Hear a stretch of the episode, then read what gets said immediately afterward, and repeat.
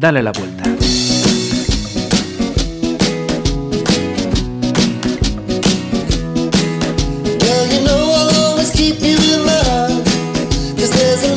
Saludos, eh, vamos con un Dale la vuelta mm, que a priori por aquello de los prejuicios que todavía mantenemos puede que sea un programa con, con su controversia. Un programa que mm, ha tenido un, una espita, ¿no? Una espita en un programa de televisión, eh, que es El Hormiguero. Eh, habían invitado a una pareja, a la periodista Nuria Roca y a su pareja, Juan del Val, para presentar su libro Parece Mentira. ¿Qué es lo que se planteaba ahí? Pues eh, nuevas reglas, vamos a decir, en las relaciones de pareja, relaciones abiertas, que también se puede denominar infidelidades, que otros también lo concebirán así. En fin, que nos vamos a quedar con esa, con esa cuestión. María González, bienvenida. Buenos días. Aquí nos trae el, el, objeto de polémica o no. Esperamos que vosotros también nos dejéis vuestros comentarios. Ya sabéis que hay un correo electrónico para eso, maría, dale la vuelta, arroba gmail.com. Y cuéntanos, ¿con qué te has encontrado? Pues sí, yo me he encontrado primero, como tú dices, con Nuria Roca y esto de que vuelve a ser un poco noticia lo de las relaciones abiertas y me he ido a investigar a qué es esto de las relaciones abiertas, ¿no? Eh, en realidad no me he encontrado con nada nuevo, supongo que todo es muy antiguo, lo que pasa es que le vamos poniendo nombres nuevos o vamos atreviéndonos ¿no? a hablar de ello con más normalidad. Uh -huh. Lo que antes pues ya existía y a lo mejor pues se hablaba desde la censura, ¿no? ahora se habla desde la normalidad, con el paso uh -huh. del tiempo vamos mejorando, o no, no sé, se trata de, de, establecer un poco el debate o darle un poco de normalidad a lo que ya era normal y se le van poniendo nombres nuevos. Y me he encontrado con un montón de nombres, uh -huh. Marisa, me he encontrado con un montón de nombres. Y como Vamos. a mí también me gusta definir, como tú sabes, porque nos ayuda a saber de qué estamos hablando, estemos uh -huh. de acuerdo o no de acuerdo con lo que hablemos. Pero sin duda nos ayuda a que todos hablemos de lo mismo. Entonces, pues investigando esto de amor libre, primero me he leído los libros de Nuria Roca, de Sexualmente.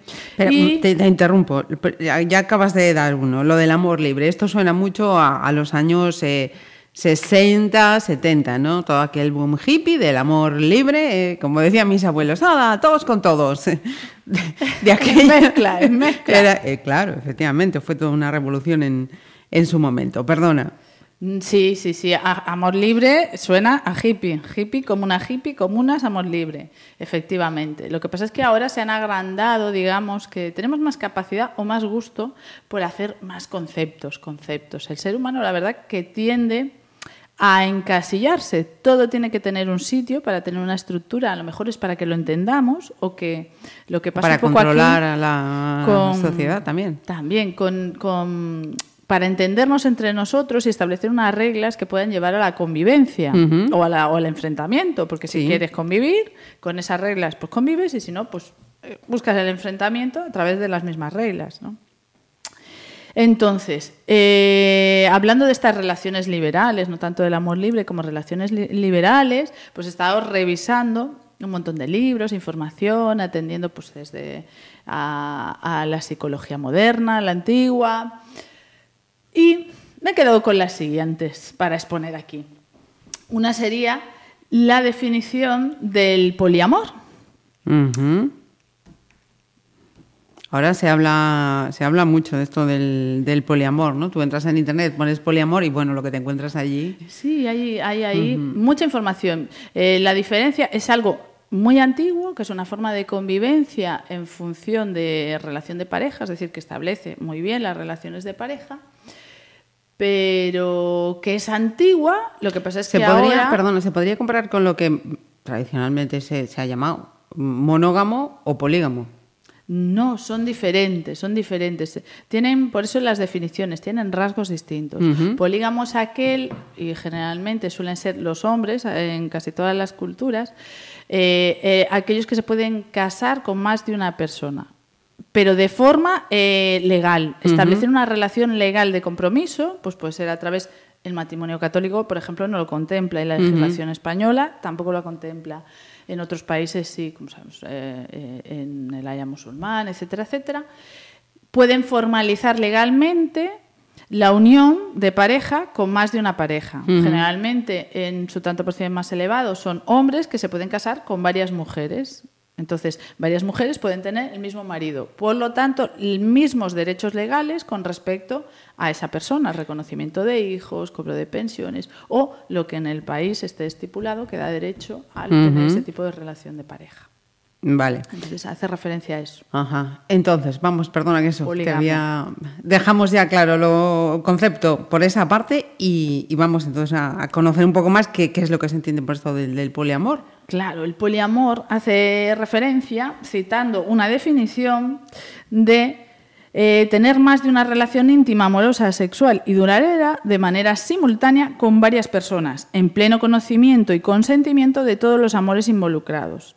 Es decir, lo que se trata, eh, lo que trata es que puedes tener varias parejas estables y reconocerlas como parejas y todas eh, se conocen entre sí. Es decir, dan su consentimiento para que tú tengas eh, tu pareja estable y otra pareja estable, que pueden vivir juntos o por separado, pueden vivir pues, y no hay un número definido, es decir, pueden vivir mm, dos hombres y una mujer o al revés, dos hombres y, dos hombres y una mujer, o pueden ser cuatro, de convivencia propia y reconocidos entre ellos mismos y hablado. No hay el término infidelidad en el cuanto a. no, hay, no se esconde ningún tipo de relación, se hablan y se establecen normas de acuerdo para que pueda existir la convivencia. O sea, haya vínculos afectivos o simplemente vínculos sexuales, la condición para establecer ese poliamor es que haya un consentimiento de todas las partes. Sí, y que sean conocidos, es decir, y conocimiento, consentimiento y conocimiento. Tienen que haber las dos. Bien.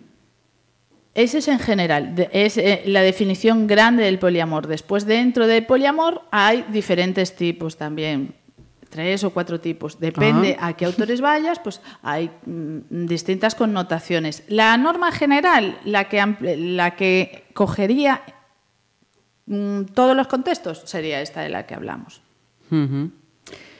¿Y esto se queda así como algo excepcional, anecdotario, reducido o, está muy, muy extendido? Pues eh, investigando, investigando, lo que he visto eh, y de lo que hay expuesto es que el 5% en España, el 5% eh, serían relaciones tipo poliamorosas reconocidas, ¿eh? de las que se habla, de las que ya se habla abiertamente. De hecho, hay asociaciones, hay una perdón, ¿Hay asociación? española del poliamor, asociación eh, madrileña de poliamor, asociación de Málaga de poliamor, y todas tienen referencias en internet. De hecho, es poliamor Madrid todo junto punto org o poliamor Málaga todo junto en minúscula punto org o la de la Asociación Española del Poliamor.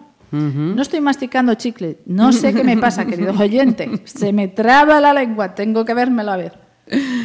Eh, o sea, el 5% de la población está, reconoce que mantiene una relación eh, poliamorosa.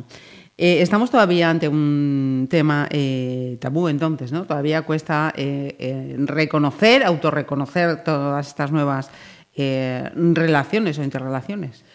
Si es un 5%, seguramente. Y yo supongo que cuando la tasa de, que también la he visto, de ruptura matrimonial y siendo una causa mayoritaria también la infidelidad, eh, sigue siendo tan elevada, 6 de cada 10 parejas eh, de matrimonios que se casan, pues evidentemente hay un problema entre comillas o sin comillas, con respecto a la gestión del sexo y la sexualidad de forma normal para establecer vínculos de pareja en la vida normal y que perdure. ¿no? Cuando necesitas ocultárselo al otro y eso va a ser causa de ruptura de la pareja, mientras que eh, que no quiere decir que el eh, poliamor sea una solución a nada, porque los, eh, en, el poliamor también existen conflictos y hablan de sus conflictos. A veces sí que existen un poco menos de celos porque es una relación más abierta donde se, pactan cosas, pero sigue habiendo conflictos de convivencia, etcétera, etcétera. no, no quiere decir que sea la solución a nada, pero que quizá pues sea una apertura, un camino de, de dar solución o dar, encajar nuestra mm, mm, realidad normal biológica de estar y disfrutar de la sexualidad con normalidad, que es la expresión del cuerpo. Quizá del el problema del todavía está ahí. ¿no? En que todavía sigue siendo tabú hablar con, con normalidad eh, de- del sexo, ¿no? Pues sí, probablemente. La verdad que si vemos que está mucho más consentido poner, de hecho, mm, veamos cualquier programación de cualquier día de diario o festivo, el tipo de películas que se ponen, los los tipos de películas que pueden tener connotaciones explícitas a la sexualidad, al erotismo, etcétera, etcétera, están sa- censuradas, mientras que las violentas de asesinatos, psicópatas, etcétera, etcétera, pueden ser a cualquier hora del día. Entonces, quizá habría que darle una vuelta también a por qué somos, con tanta frescura permitimos la incitación a la violencia y a- al caos que genera pues, el ver asesinatos, guerras donde se asesinan unos a otros con tanta frescura a cualquier hora del día. Mientras que cuando eh, Todo lo que sale sea no sexo sé, o erotismo, sí. sexo, tetas, relaciones eh, diferentes, diferentes en el sentido de donde hay más de una persona o donde se admite que puedas tener como pareja estable varias personas, etcétera, etcétera, tienen que estar tan limitadas en el uso del tiempo, del espacio, de a qué horas, de lo que se dice y lo que no se dice, porque puede parecer mal, etcétera. Mira, y todo esto eh, también da lugar a, terminología, ¿no? Hablabas antes de definiciones y también hay eh, terminología identificativa, ¿no? Efectivamente, efectivamente, porque claro, eh, las relaciones de pareja y el sexo pues están muy unidas, lo tenemos claro, que mm, relación de pareja y sexualidad como que va a la vez. Pero sin embargo, uno es parte de otro, es decir, eh, el sexo es parte, es una parte pequeña o grande, y muy importante de la relación de pareja, pero no es el ámbito exclusivo. ¿no? Entonces a veces esas cosas se mezclan. Hablar de relaciones de pareja no tiene por qué ser hablar de sexo. ¿no? Entonces, en cuanto a esto, decir que también he buscado las distintas definiciones y se puede confundir poliamor pues, con otros aspectos que son más dedicados a la sexualidad, como swinger, el término swinger, ¿no? que también, como sabéis, os voy a definir, como no podía ser de otra manera. Y swinger es una palabra inglesa que define la actividad sexual no monógama que se experimenta en pareja. ¿Qué quiere decir? Que es una expresión, es eh, que se refiere más al plano sexual de la pareja y que se hace en pareja y también con consentimiento y de forma hablada. Y esta puede ser eh, realizarse pues eh, de muchas maneras, con otras parejas, con una sola persona, sea, o sea, tríos, tipo chicos, tipo chicas, pero siempre con consentimiento y en presencia de la pareja habitual, ¿no? La pareja que mantiene esa relación, o con otra pareja, esto del intercambio de parejas, que sería una modalidad dentro de swinger, eh, que contempla el que haya sexo entre ellos eh, a la vez. Eh, de hecho, estaba pensando yo que hay un, hay un canal de, televisión eh, que es un, como un reality precisamente eh, en relación a, parejas swingers. Es un programa americano, si, si mal, si mal no recuerdo. Eh, mira, hablando de, esta cuestión de, mm, de lo que hemos tocado muchas veces aquí en el Darle la Vuelta, de las creencias, los conflictos que pueden generar las creencias, eh, si hay ese mm, rechazo, ese, mm, no sé si escandalizarse a estas alturas, pero bueno, puede que sí, que todavía haya quien se escandalice con estas cosas.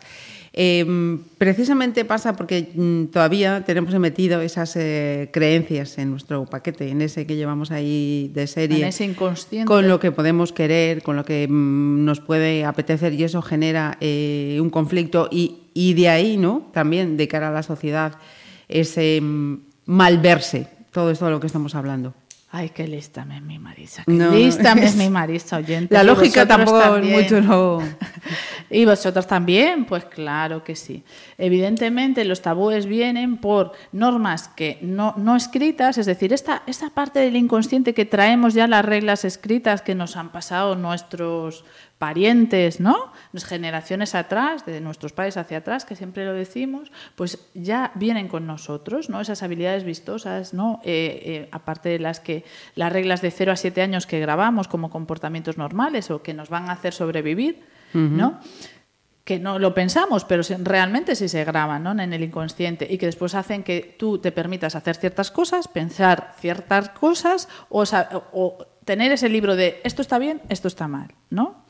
Pues claro, entonces de ahí los tabús sexuales. A ver, pensemos, queridas oyentas y oyentes, ¿cuántos de vosotros os parasteis a hablar con vuestra pareja o simplemente con vosotros mismos de cómo llevar a cabo vuestras fantasías sexuales? ¿Cuántos os atrevisteis a decir, pues a mí me encantaría, pues si soy una chica, estar con otra chica, o estar con dos chicos, o y se los pusisteis a vuestra pareja, claramente.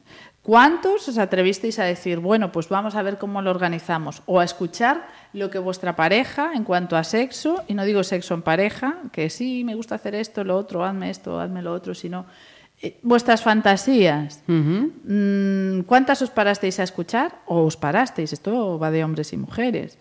Y a permitiros mm, a lo mejor desear algo que no estaba bien visto y por lo tanto expresarlo hacia vosotros, hacia afuera y llevarlo a cabo. Pues está claro que seguro que hay muchas que no. Y ya no me refiero a ninguna que haga daño a nadie ni que Mm, desde animales hasta personas, me da igual, ¿no? Que impliquen simplemente placer. ¿Cuántas de ellas quedan en el tintero? ¿Cuánto nos cuesta sentarnos a hablar de eso? Eh, tampoco porque hay costumbre. ¿Con cuántos niños nos sentamos, adolescentes, etcétera, a hablar de sexo? De sexo, de sexualidad, de lo que es, lo, que, que ya ahora ya vemos muy bien y no hay censura sobre la masturbación, ¿Cómo les enseñamos a nuestros niños o qué le decimos cuando nos hablan de mamá, ¿qué es tocarse? ¿Haces una paja, masturbarse? En términos finos o más, más coloquiales. Sí, sí. ¿Cómo se hace? ¿Quién le explica eso a los niños? ¿En el cole se habla de sexo? Pues es una asignatura eh, muy, muy importante porque vamos a tener sexo sí o sí, es lo normal. Malo si no es así. con nosotros mismos y con otros. Pues habrá que dar un poco las por las normas higiénicas, ya me voy a poner en postura matrona. Eh, las normas higiénicas, ¿no? Pues para masturbarse, etcétera. Las ganas que te vienen, cómo hacerlo. Ya no digo vamos a explayarnos en las técnicas, pero bueno, lavarse las manos antes y después. Si metes un objeto, ojo con qué tipo de objetos. Limpios, por favor, o recúbrelos, bueno, etcétera. Bueno, no voy a hacer una clase aquí, pero bueno, nos entendemos, ¿no? Cosas claras que hay que decirles. y si no se las digo yo, es decir, si no se las dice su madre a sus hijos, ¿dónde las tienen que aprender? ¿En YouTube? Hombre, es una forma. En YouTube hay de ese, de ese tipo con seguridad, es decir, no son las fantasías sexuales de alguien que las que vas a cumplir o vas a aprender, ¿sabes? Normas higiénicas, eh, fantasías que se pueden llevar a cabo sin peligro, cómo llevarlas, ¿sabes? Uno con uno mismo. Ya solo digo las de uno con uno mismo. ¿Dónde están? ¿En el colegio hay clases de eso? No sé, a mí no me las dieron. Yo veo que a mis hijos tampoco estamos en dárselas en el colegio. Bueno, sí que hay colegios aperturistas. yo también lo digo. Yo estoy pero creo que está, a darlas, yo las Está planteado también desde un plano mucho más em, fisiológico o anatómico, ¿no? Más que sexual.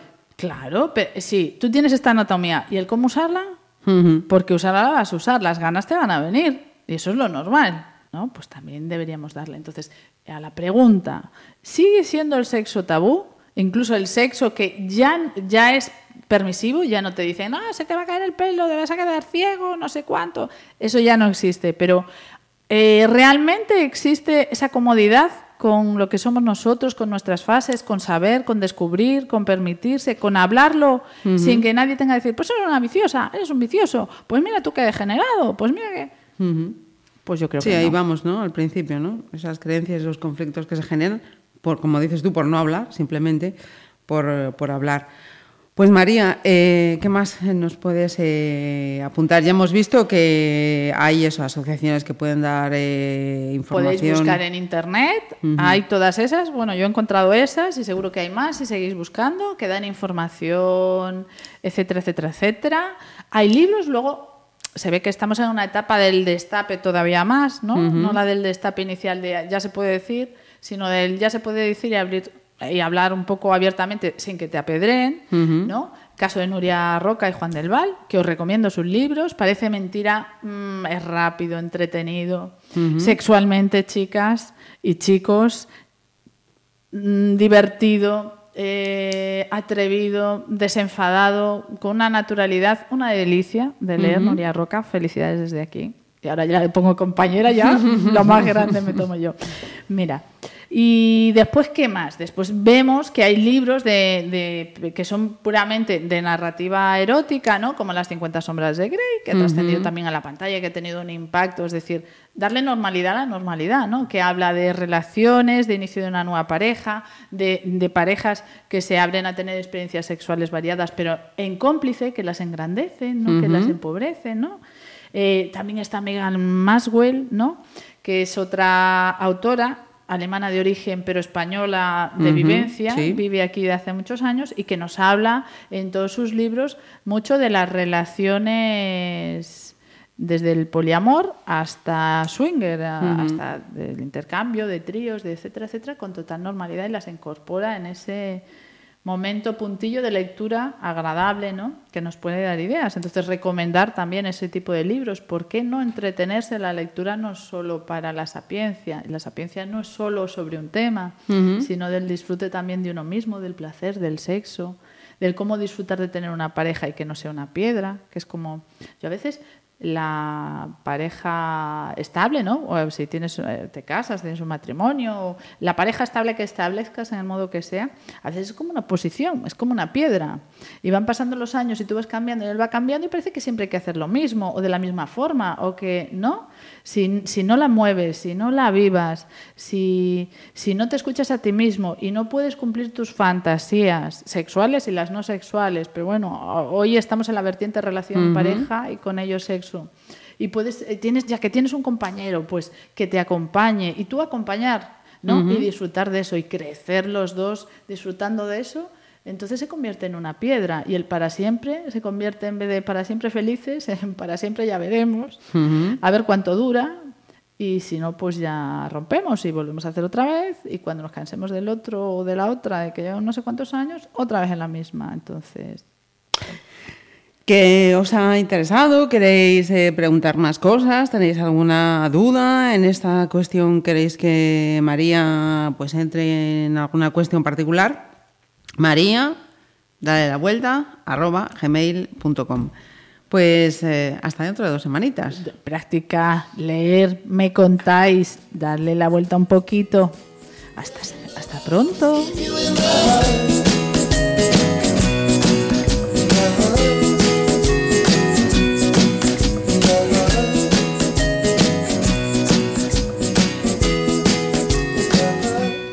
Pontevedra Viva Radio